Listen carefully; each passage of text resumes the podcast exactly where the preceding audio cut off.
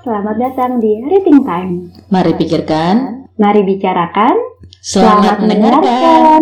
Cuaca yang tak menentu, lalu lintas yang padat, dan kondisi lingkungan lainnya menuntut seorang pekerja lapang harus menghadapi itu semua. Salah satunya adalah pekerjaan di bidang pertanian. Di episode kali ini, Ibu Ika Ratmawati sebagai staf pengendali organisme pengganggu tanaman di salah satu instansi pemerintah bercerita tentang pengalamannya bekerja di lapang yang sudah dijalanin selama kurang lebih delapan setengah tahun. Penasaran dengan ceritanya? Dengerin deh. Ibu, kita mulai dari perkenalan dulu kali ya, Ibu. Ibu namanya siapa, asal daerah, mungkin domisili dan status pekerjaannya itu sebagaimana bisa di, eh, bisa di eh, sedikit perkenalkan Bu kepada kami, Bu. Oke, nama saya Ika Keratmawati. Saya sebagai PUPT, pengendali organisme pengganggu tumbuhan untuk wilayah kerja Kabupaten Probolinggo. Saya dari Balai Besar Perbenihan dan Proteksi Tanaman Perkebunan Surabaya. Kalau Mbak Suci udah tahu, saya kakak Iya. kelasnya kuliah itu. Iya, angkatan berapa Bu? Angkatan demo pokoknya. Zaman Angkatan demo. Bisa ketebak lah berarti nih ya. Iya, oke, oke. Eh, berarti sama-sama fakultas pertanian ya, Bu ya? Fakultas Pertanian Brawijaya di bagian Mhm. hama dan penyakit tumbuhan. Sama dengan Mbak Suci. Oh, Iya, oh, sama-sama. sama. Cuman beda labnya aja ya Bu ya. Nggak beda generasi lah. Iya, jauh. iya terlampau jauh tapi tiba-tiba ketemu di Krucil. Eh, sempit ya berarti. Iya. Bu, aku mau nanya dong, Ibu eh, masuk kuliah di Fakultas Pertanian itu kenapa memilih itu ya, Bu? Hmm, salah satunya mungkin karena suka sih. Dan keluarga besar saya banyak kan pertanian. Wow. Terus dapat saran dari keluarga juga kayaknya di pertanian lebih menjanjikan. Oke masuk. Nah, Apa aja sih kemarin itu. enjoy berarti ya. Berarti ya? memang dari Iya. Hmm, ya enjoy. Berarti Ibu setelah dari lulus kuliah langsung atau langsung di bidang pen- pekerjaannya yang berkaitan dengan pertanian seperti saat ini atau pernah eh, bekerja di instansi yang lain, Bu? Pernah sebentar cuma enam bulan, nggak nggak sampai. Habis habis itu sudah ke pertanian semua sudah. Wah, enak banget dong, berarti Iya. nggak salah jurusan ya, Bu ya? Iya. Iya bener, jalannya langsung ke pertanian gitu ya. Iya. Masya Allah, hebat, Bu. Ini kan eh, sama dengan yang kemarin Bu yang waktu itu udah aku mau ajak obrol tentang kerida pertanian. Nah, eh, mungkin kan masih banyak juga yang belum tahu tentang Hari Kerida Pertanian. Nah, menurut Bu Ika sendiri Hari Kerida Pertanian tuh apa sih Bu?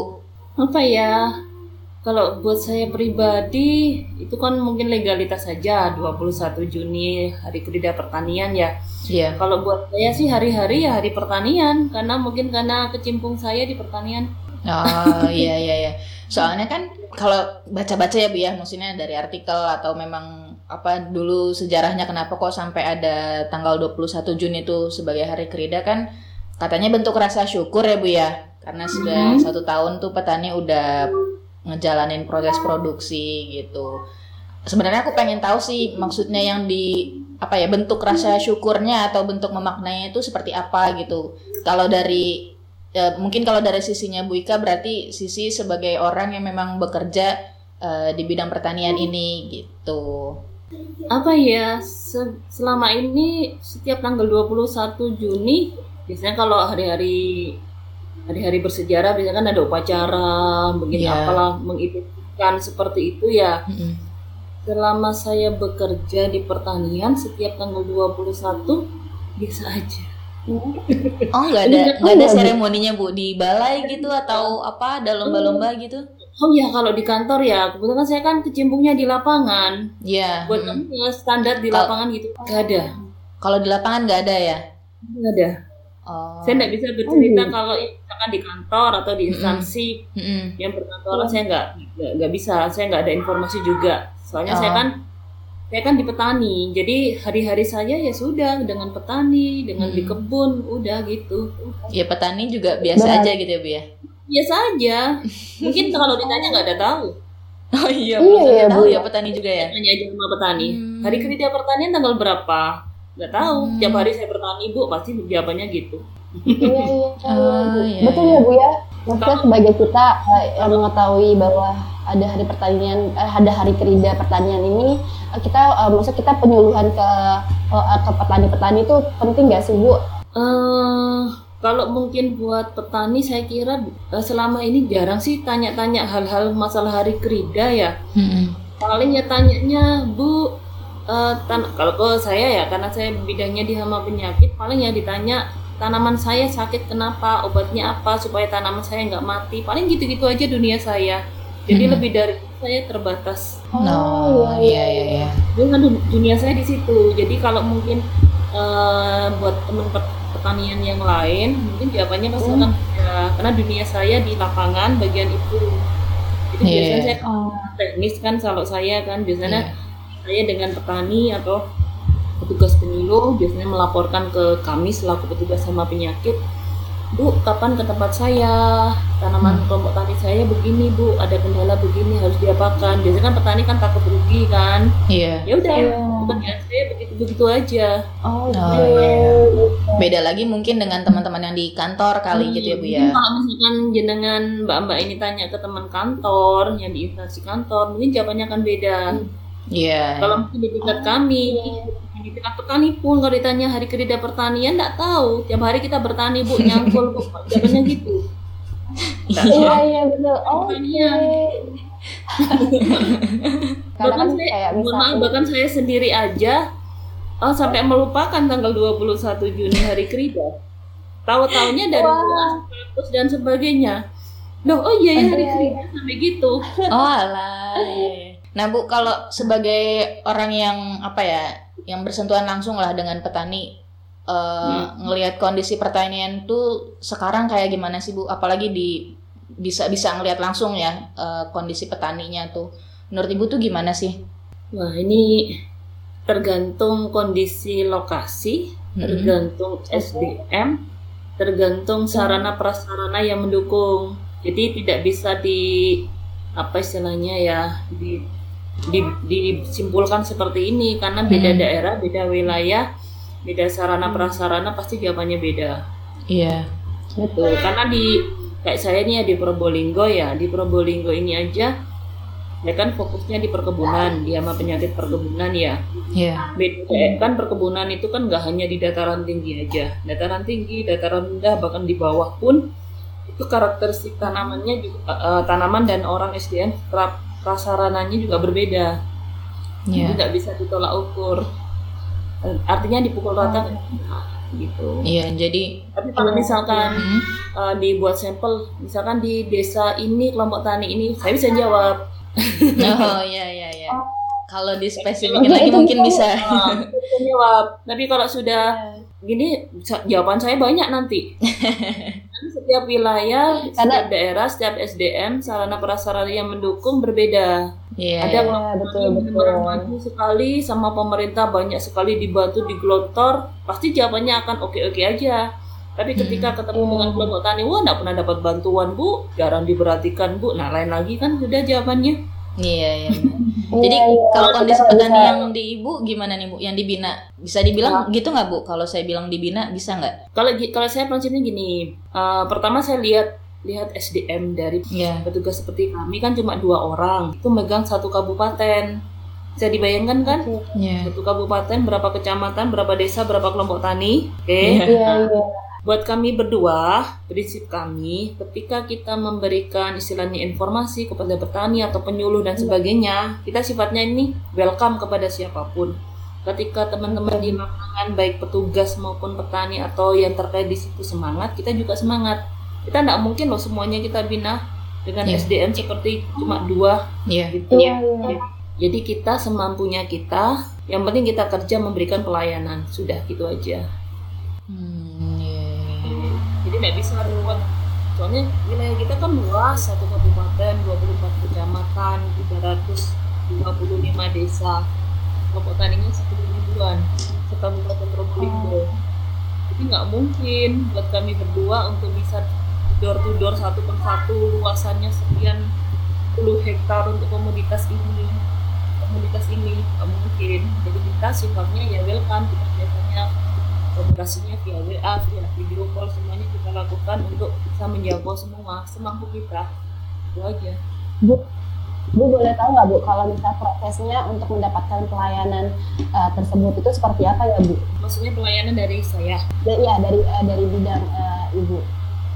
Kalau saya gini prinsipnya, saya biasanya itu uh, kalau awal-awal pertama kali saya di Probolinggo, saya biasanya koordinasi sama pihak dulu. Habis itu saya karena meng menginformasikan pekerjaan saya sebagai seorang teknis di lapangan, jadi kita lebih hanya lebih dekat dengan petugas penyuluh uh, di balai penyuluh pertanian. Nah biasanya kita dengan penyuluh-penyuluh itu kita sudah istilahnya menginformasikan bahwa uh, bapak ibu mas mbak kita petugas begini mana kalau wilayahnya binaan jenengan bapak ibu kalau petani atau ada ada masalah terutama masalah penyakit bisa koordinasi dengan kami kami siap membantu memberikan pelayanan oh. ya sudah selama ini ada pelan kadang ada petani atau PPL menghubungi kami ya udah kita welcome datang ke lokasi seperti itu oh. Yeah, yeah. Kalau kita kalau misalkan nggak ada istilahnya nggak ada apa panggilan dan sebagainya ya kita datang ke kecamatan yang belum kita singgahi. Wah kayaknya udah satu bulan nih kecamatan ini belum belum kita singgahi kita main nah, seperti itu. Paling nggak kita dalam satu kabupaten itu bisa menjangkau semua lah semampu kami. Oh, iya. oh berarti ini menyangkut ke program kerja juga kali ya bu ya uh, terkait uh, kegiatan ibu seperti ini tuh um, ada nggak sih bu uh, kalau misalnya masyarakat uh, tertentu yang memang um, mau mau mengetahui lebih lanjut misal tentang uh, pamit ini tuh apakah harus ada pelatihan tersendiri kan atau memang punya agenda seperti itu nggak sih bu? Kita gini biasanya kita kan nggak ada anggaran ya nggak ada anggaran sifatnya kita teknis biasanya ke ke petani kalau misalkan ingin belajar belajar agen hayati, pengen belajar bikin pupuk organik, pengen bagaimana tanaman itu sehat, pengen perlakuan dengan uh, agen hayati, membuatnya dan sebagainya itu kita biasanya menawarkan. Gak ada anggaran ya kita kumpul-kumpul kita sifatnya swadaya. Kalau mau oke okay, kita jalan seperti itu. Jadi kita nggak ada soalnya kan kita bukan proyek kan kita sifatnya kan orang teknis orang teknis kan bukan kan beda sama orang yang apa misalkan di kantoran atau di dinasan atau di instansi mana pun misalkan ketika ada kegiatan proyek itu kan proyek ada anggarannya sedangkan kita kan orang teknis. Orang teknis itu berbeda kalau orang teknis kan nggak ada anggaran jadi ketika ada petani atau apa minta layanan minta belajar dan sebagainya ya kita layani gitu. Yeah. itu beda sama orang maksudnya orang yang pegang proyek ya. Misalnya proyek demplot kegiatan uji apa atau kaji terap ujian apa gitu pasti ada anggarannya sedangkan kita kan sifatnya layanan teknis gitu hmm. beda oh. yeah. Iya makanya berat juga ya kerjanya ya bu ya pasti kalau misalkan di lapang gitu memang akan selalu oh, maksudnya apa ya full ya bu di lapang tuh full di lapang atau memang ada jadwal-jadwal tertentu buat ibu stay di kantor misalnya? Saya biasanya stay di kantor Jumat aja. Seminggu itu sekali itu aja bu? Ya Jumat aja. Saya stay di kantor. Jadi selebihnya itu semuanya di lapangan. Wow. Full. Kalau di lapangan ada jam operasionalnya nggak bu? Maksudnya ibu di lapangan itu sampai jam berapa? Pas sampai malam juga kah bisa? Kalau di sistem kerja saya, saya kan pakai aplikasi kan sudah ada e kinerja di apa di di instansi saya ya. Mm -hmm juga online ya jadi saya ada jam masuknya ada fingerprint hmm. Juga seperti itu di aplikasi onlinean di itu juga harus masuk itu nanti bukti kerjanya apa yang kita kerjakan hari itu itu harus masuk. Jadi kita ada jam kerjanya juga. Oh. Kita, Wah, jadi nggak cuma huh? kenapa? Iya. Iya jadi nggak yang cuma uh, kelapang aja kelapang. Tapi kita uh, maksud uh, orang kata nggak tahu kita ngapain di lapangan. Tapi kalau misalnya ini ibu pasti laporannya harus ada juga real time itu juga gitu ya harus ada terus harus ada terus kita ngapain aja di lapangan. Hmm. harus ada bukti kerja. Semua harus ada GPS juga. Oh. Iya ada GPS-nya juga. Ketahuan juga dong lokasinya di mana di mana. Mbak Suci kan kadang tahu lihat di aplikasi apa di status saya tuh. Iya. tapi oh, tidak semua. oh iya akhirnya nggak pernah lihat soalnya bu. Tapi tidak semua aku share sih di status, cuma tertentu aja. Iya, kadang kan suka lihat eh, Bu Iya, Ika suka share foto misalkan tapi iya itu ada lokasinya. Kirain maksudnya kalau untuk sistem pekerjaannya nggak sampai sedetail ada GPS-nya. Ada GPS-nya juga. Iya, iya, iya. Wah. Jadi jalani aja dengan enjoy.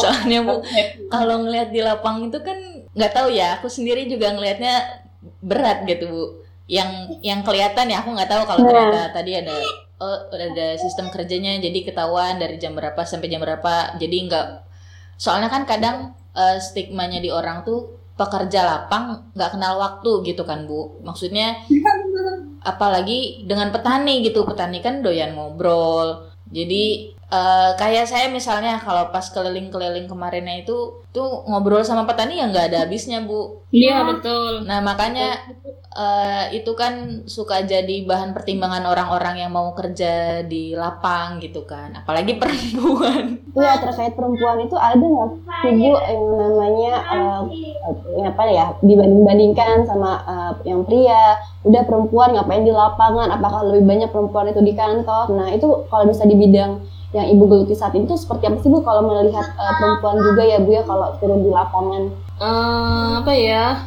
Kalau saya sih selama ini baik-baik aja ya walaupun dunia saya pekerjaan memang lebih didominasi sama laki-laki ya. iya Bu Ika tapi enjoy aja sih. Enjoy saya. Ya udah itu memang pekerjaan saya. Harus seperti itu ya. Ya dibikin enjoy aja. Dibikin happy lah. iya jadi apa ya namanya gender itu ya nggak masalah ya Bu ya mau kita yang perempuan nggak yang nggak yang ibaratnya kan perempuan malas-malasan lah panas-panasan lah ya kan gitu-gitu loh Bu Gak, gak bingung saya. Gak bingung kulit saya harus coklat eksotik. Gak bingung saya. Biar sudah. Wah, Iya. keren keren bu, udah nggak mikirin kayak gitu lagi ya bu ya. Gak mikir. Betul nggak suka dandan sih. Ibu udah berapa lama Bu Sama dong. kerja di lapang gitu Bu Saya di Probolinggo sudah 8 tahun setengah. Sebelumnya sempat di- eh, sebelum di Probolinggo pernah bu? Di balai. Di balai Jombang. ada balai Berapa lama? Satu tahun. Sebelumnya saya juga tenaga lapang, tenaga kontrak sudah empat tahun. Sebelumnya saya nyekuan di dinas dua tahun. Hitung dah. Oh. Justru memang Sama- pengalaman yang lamanya justru di lapang semuanya ya Bu ya? Hanya di lapangan. Cuma satu tahun aja di kantor di balai. Ya Allah memang orang Kalian lapang memang jiwanya ini Bu Ika. Kalau di Bu, kalau misal orang lapang, kalau ibu kan eh, yang biasa di lapang, kalau misal suatu waktu ibu ke kantor kan, apalagi tadi ibu sampaikan kalau misalnya ke kantor itu biasanya di hari Jumat, itu ibu ngerasa eh, lebih apa ya, lebih powerful di lapang atau di kantor sih bu? Kalau misalnya ibu rasakan, apa ya? Kalau di lapang itu ilmunya selalu berkembang pertama. Kadang beda banget sama teori. Terus terang saja, kita sudah belajar teori begini ya. Jebret setelah ketemu di lapang, loh kok beda? Gitu. Iya. Banyak hal baru justru kita tahu di lapang. Jadi Iya. beda banget. Wong saya sampai gini kadang ada cerita teman lah. Ini bu, um, borok istilahnya ya. Mm-mm. Ada seorang profesor. gimana? Ini kejadiannya di Probolinggo beneran ini. Iya. Ada seorang profesor uh, melakukan penelitian di Probolinggo. Aku nggak mau menyebutkan siapa-siapa ya, mohon Iya. maaf. Iya nggak apa-apa. Nah, dia itu menyuruh anak buah dan sebagainya krunya untuk menghitung eh, tinggi tanaman, jumlah daun, lebar daun, diameter batang dan sebagainya. Nah, itu kan setiap tanaman kan sudah ada nomor kode sama nomor ulangannya kan kalau peneliti. Nah, Iya. Sedangkan si profesor itu cuma duduk aja di pinggiran eh, misalnya petak tanaman dan tanamannya kan agak tinggi masuk ke dalam. Nah si pekerjanya itu kan capek kan satu-satu ngitung tinggi tanaman sekian. Iya. Profesornya duduk aja di sana. Lebar daun sekian karena jenuh. Dari tengah kebun dia cuma teriak-teriak aja. Datanya ngawur dah. aku sampai aku you know. dan hasil penelitian kan akhirnya tidak sesuai dengan kenyataan di lapang. Karena ya itu tadi model-modelnya kayak gitu akhirnya. Ah, iya iya iya. Iya, ya, jadi lebih berkembang ya bu ya. Ceritanya itu aja. Loh kok gini aku? Ah, ini teori dengan praktek di lapang beda Iya. Pastinya sih. Berarti di lapangan memang ya itu ya lebih berkembang pastinya. Karena kan kondisi di lapangan kan ya kita nggak bisa prediksi ya. Tapi kalau di kantor mungkin kebanyakan ya kerjanya yang ya bisa saja ya itu itu aja seperti itu ya Bu. SPG masuk selesai. Iya, iya. Iya. Laporan masuk, ayo kerjakan gini-gini. Ini beres. Itu kan kalau di kantor, mohon maaf, kalau di lapangan nggak bisa. Iya. Kondisi tanaman masih begini, bentar. Belum waktunya tanam, bentar. Masih ada hujan, bentar. Masih ada gini. Kan begitu kalau di lapangan. Iya. Tapi kalau di kantor, udah waktunya masuk ini laporannya deadline ini. Jadi kadang saya itu kerja Iya. kerja dengan orang kantoran sama versus orang lapangan gak nyambung. Bu mau nanya deh Bu, terkait eh, peran keluarga sih Bu eh, untuk em, mensupport Ibu, eh, apalagi kan Ibu juga eh, seorang ibu rumah tangga pastinya, terus juga sudah memiliki anak. Itu bagaimana Ibu membagi waktu Ibu di sama bekerja ya kan dengan di rumah itu ada tips and triknya nggak sih Bu buat kita?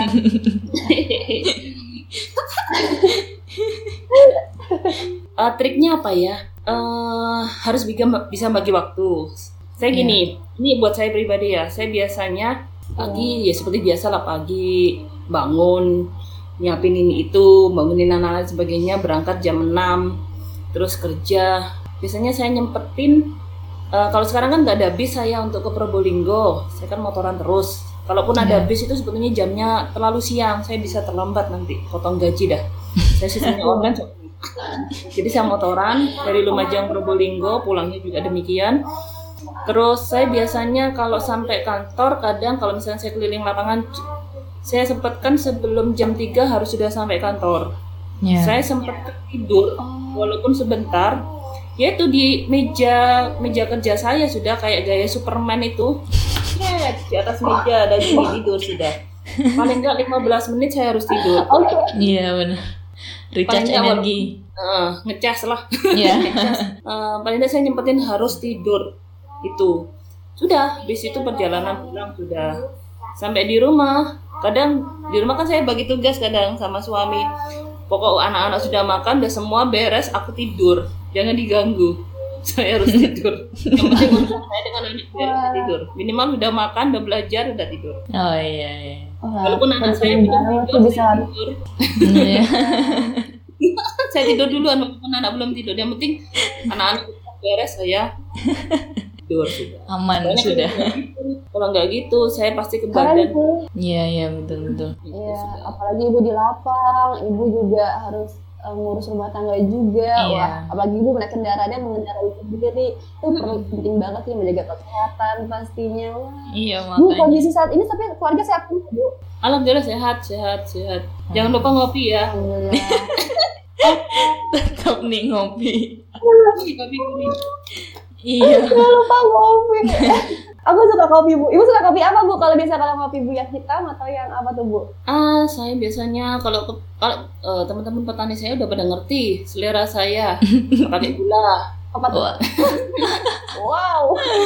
Saya udah paham. Wah, Ibu Ika nggak pakai gula udah. Iya, oke. Iya. Udah paham. Kopi Waduh. pahit. Kopi pahit. Nah, saya biasanya kan, saya kan ambil belajar. Kalau di lapangan kan ambil belajar. Oh, ini kopinya kok begini rasanya. Saya kan ambil belajar. Saya Iya. kalau nggak gitu nggak belajar belajar saya. Iya sih. Oh, ada kopi Iya, sih. betul, betul, Pakai Bu. jagung ya ini. Iya sih. kalau nggak nggak nggak gitu nggak nggak belajar. Dari mana kita sekolah? Mau sekolah di Puslit Koka aja untuk tes tes cita rasa aja tujuh tujuh juta. Oh iya bu. Lidah- Iya, Bu. sekolah Iya. lidah aja 7 juta. Mending saya ke petani belajar tiap Iya. hari kalau ke petani ngopi. Oh ini bu, ini kopinya pak, kopinya nih kopi apa, jenisnya apa, diproses apa, sambil ngicip-ngicip belajar belajar belajar gini, dilihat warnanya, teksturnya dan sebagainya. Itu udah belajar saya. Oh, enak banget. Bener, Bu. Tinggal tanya ke teman-teman yang ngerti. Iya, iya. Iya. Itu pengalaman nyata sih sebenarnya. Eh, pengalaman apa? Iya ya. Pelajaran nyata. Kalau di lapang gitu enaknya. Kalau sekolah les perkopian itu misalnya pelatihan di Pusit Koka ya kan biayanya 7 juta tuh. Mm-mm. itu paling ya seminggu aja selesai tapi kalau di di lapangan belajarnya kan terus tiap hari sambil Iya. belajar tanya Iya. makanya enak di lapangannya itu. Nah, Iya. ini terkait tadi terkait sama petani nih Bu. Jadi eh, sebetulnya apa sih Bu yang perlu disentuh dari sisi eh, mana petani itu biar bisa mandiri Bu, biar bisa sejahtera baik secara finansialnya mungkin atau bagaimana si petani itu bisa beradaptasi dengan teknologi. Itu bagaimana ya Bu ya kita menyentuhnya? Eh, pendekatan personil. Jadi kalau cuma istilah aja itu nggak akan mempan. Pak, sekarang tuh zamannya IT, jangan gitu. Hmm. Kasih pendekatan, kasih contoh, kasih istilahnya apa ya bukti lah istilahnya di depan petani. Jadi ketika petani itu membaca, melihat, dia paham. Soalnya gini ilmunya petani itu, mohon maaf, ilmunya petani kalau cuma mendengar aja besok lupa Iya. itu sudah. Tapi petani ketika dia tahu, melihat, melakukan sendiri, nah itu dia pasti, oh iya, paling tidak pikiran sudah berubah. Hmm. Setelah itu ditantang dia, Pak, gini, ayo coba yuk gini yuk. Ketika dia mencoba, dia melakukan itu dan mengerjakan, terus ada perubahan, dia akan langsung menghadapi ibaratnya inovasi pemikirannya dia sudah berbeda. Tapi kalau Oh. cuma standar-standar aja, ya udah gitu aja. Sampai bakalan sampai gitu junjung dengking petugas yang di lapangan itu aja sudah. Kalau nggak ada inovasi atau perubahan, merubah dengan sistem seperti itu. Iya, tapi Bu, eh, pendekatan di awalnya tuh harus gimana sih Bu? Soalnya kan kadang misalkan ngedengar eh, teman atau misalkan saya sendiri buat ngedeketin petani tuh supaya nggak terkesan menggurui itu gimana ya Bu ya? Jadi maksudnya supaya petani nih mau ngedengar kita kan bisa dibilang orang baru gitu ya, orang asing yang datang ke petani gitu. Terus tiba-tiba kita ngajarin. Nah, supaya nggak ada terkesan menggurui atau petani nggak merasa yang gimana ya maksudnya kalau petani kan ya sudah sudah paham lah semua dengan dengan keadaan di lapang sudah lebih pintar lah gitu secara teknis untuk kegiatan pertanian tapi dengan kehadiran kita orang baru nih supaya bisa didengar tuh gimana ya Bu Sistemnya jangan satu arah, jangan satu arah satu arah. Hmm. Harus dua arah. Bu? Eh, usahakan apa yang disampaikan petani kalau bisa banyak ngomongnya. Buat Nah. istilahnya eh, memicu pertanyaan. ah, iya. Memicu pertanyaan. Jadi petani itu berus diajak berusaha untuk aktif sambil bertanya, "Oh, kok bisa gini ya bu? Nah gini caranya sambil menggantung. Jadi seolah-olah dia itu di- diajak digiring istilahnya apa ya? Digiring apa yang rencana kita mau sampaikan ke petani Iya. supaya bisa masuk. Jadi jangan gurui tapi memancing, memancing mereka untuk aktif ngomong apa yang kita sampaikan gitu. Mungkin pesannya untuk teman-teman alumni atau pegiat-pegiat di bidang pertanian atau bahkan untuk semua eh, masyarakat mungkin eh, buat jadi pengingat gitu bahwa menjadi petani ya nggak mudah sebenarnya gitu kan kondisi pertanian ketika di lapang juga kan nggak semuanya eh, baik gitu kan. Nah eh, apa ya buat kita bisa lebih menghargai atau bisa lebih mensyukuri aja sih bu eh, keadaan eh, pertanian kita apalagi kondisinya lagi kayak gini gitu bu. Jadi eh, seperti apa gitu? Apa ya? Hmm, pertama kita sendiri ya sebagai kita sendiri ya harusnya harus enjoy pertama terus lebih dekat dengan menyelami bahasa petani. Terus apa lagi ya? Lebih dekat dengan mereka di dunianya mereka. Apalagi ya? Eh gitu sih kalau saya sih. Saya sebenarnya Iya. orangnya nggak tahu nggak terlalu mau ruwet sih. Iya orang kerja itu PP ya, Bu, ya. aja kalau saya sih dibuat enjoy. enjoy ya iya. Enjoy happy terus sama petani biasanya suka ketawa sampai ngobrol lah istilahnya kayak gitu. Gitu Iya. aja sih kalau saya sih paling enggak membuat kesan Oke. kita pamitan sama petani. Kata-kata yang paling saya tunggu itu bu eh ke sini lagi loh bu. Nah, itu paling yang saya suka. Ah, iya iya iya. itu udah paling enak didengar ya bu ya. Betul betul, paling senang saya. Jadi memberi ketika insya kita pulang karena waktu memang terbatas ya udah udah Iya. siang atau sore gitu kita waktunya pamit. Ada jawaban bu ke sini lagi ya bu. Itu Iya. jawaban yang bikin saya positif berarti keberadaan kita dicari dan ditunggu. Iya. Itu sudah. Bu, kalau misalnya saya pengen ikut kegiatan Ibu, eh, saya bisa menghubungi Ibu atau mungkin saya bisa sharing-sharing sama Ibu misalnya atau enggak teman-teman yang mendengarkan ini nih pengen ah saya pengen ikut uh, ke lapang nih dalam misalnya dia memang dalam uh, arti mengerjakan studinya kah atau memang dia dalam arti tertarik sama dunia uh, pertanian kah atau memang pengen lebih lanjut uh, mengetahui kegiatan ibu. Ika bisa hubungin ibu atau bisa kontak ibu bisa lihat sosial media mungkin. Ada bu? Boleh. Ada. Boleh ada, boleh bu? Ada semua. Gimana bu? Facebook Gimana, Bu? saya ya nama saya Instagram saya nama saya WA saya Mbak Suci udah tahu. Saya Iya. nggak pakai nama aneh-aneh juga nama asli. Oke, semuanya namanya Ah, nama Ika gitu ya. semuanya ibu ya namanya ibu Ika Ratnawati. Karak Melawati di Instagram di Facebook semuanya sama. Oke, siap. oke ibu. Oke. Terima kasih banyak ini aduh mohon maaf kan waktu Iya, makasih banyak Oh, Bu Ika Iya, udah nyempetin. sama boleh disambung lain waktu Nanti ini mohon izin untuk di-share ya Bu ya. boleh Oke. siap Berbicara tentang kenyamanan, tidak semua orang bisa merasakannya ketika mereka berada di lapang. Banyak juga yang harus mereka korbankan ketika mereka memutuskan untuk bekerja di lapang. Sama halnya dengan mereka yang mungkin memilih untuk bekerja di kantor. Bagaimana dengan pengalaman Sobat Rating terkait hal ini? Semoga obrolan ini bisa memberikan kesan positif terhadap profesi yang kalian jalani ya. Terima kasih untuk semua yang sudah mendengarkan. Kami berharap setiap obrolan ini dapat bermanfaat bagi siapa pun itu. Dan terima kasih juga untuk yang sudah share, like, ataupun komen di setiap episode kami, baik melalui Instagram at rating underscore time maupun platform media lainnya. Buat kalian yang ingin berbagi cerita, bisa juga hubungi kami melalui email di at.ratingtime@gmail.com dengan subjek hashtag ceritain aja.